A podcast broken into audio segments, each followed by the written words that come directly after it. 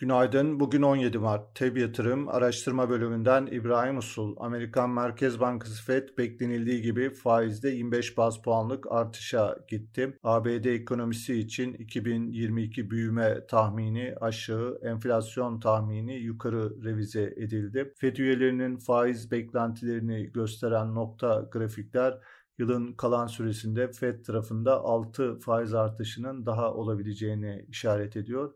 FED sonrası fiyatlamalara bakıldığında Amerikan endekslerinde dün pozitif kapanışlar oldu. Bugün vadeli tarafta Amerikan endeksleri hafif aşağıda işlem görüyor. Asya borsaları güne pozitif başladı. Avrupa borsalarında bugün güne hafif yukarıda bir başlangıç yapması bekleniyor. Asya tarafında Çin'den gelen hisse senedi piyasalarının ve konut sektörünün destekleneceğine ilişkin haberlerin de pozitif etkileri devam ediyor. Özellikle teknoloji hisselerinde alışlar var. ABD tahvil faizleri ve dolar endeksinde ise Fed sonrası hafif geri çekilmeler gözleniyor. Rusya-Ukrayna konusu da piyasaların gündeminde yine ön planda. Taraflar arasındaki görüşmelerde henüz bir anlaşma yok.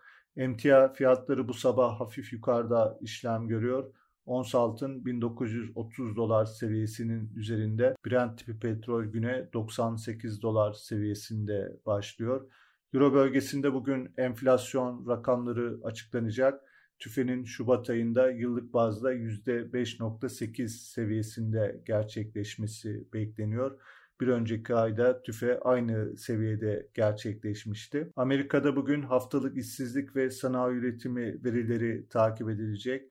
İngiltere Merkez Bankası'nın bugün toplantısı bulunuyor. Faizde 25 bas puanlık artış bekleniyor. İçeride ise bugün para politikası kurulu toplantısı önemli olacak. Faiz kararı saat 14'te piyasada %14 seviyesinde olan gösterge faizde bir değişiklik beklenmiyor.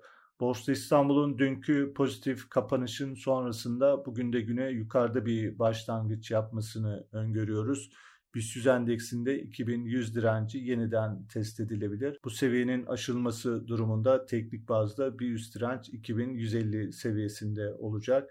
Günlük bazda ilk önemli desteğimiz 2060 seviyesinde, diğer önemli bir desteğimiz 2042 seviyesinde bulunuyor.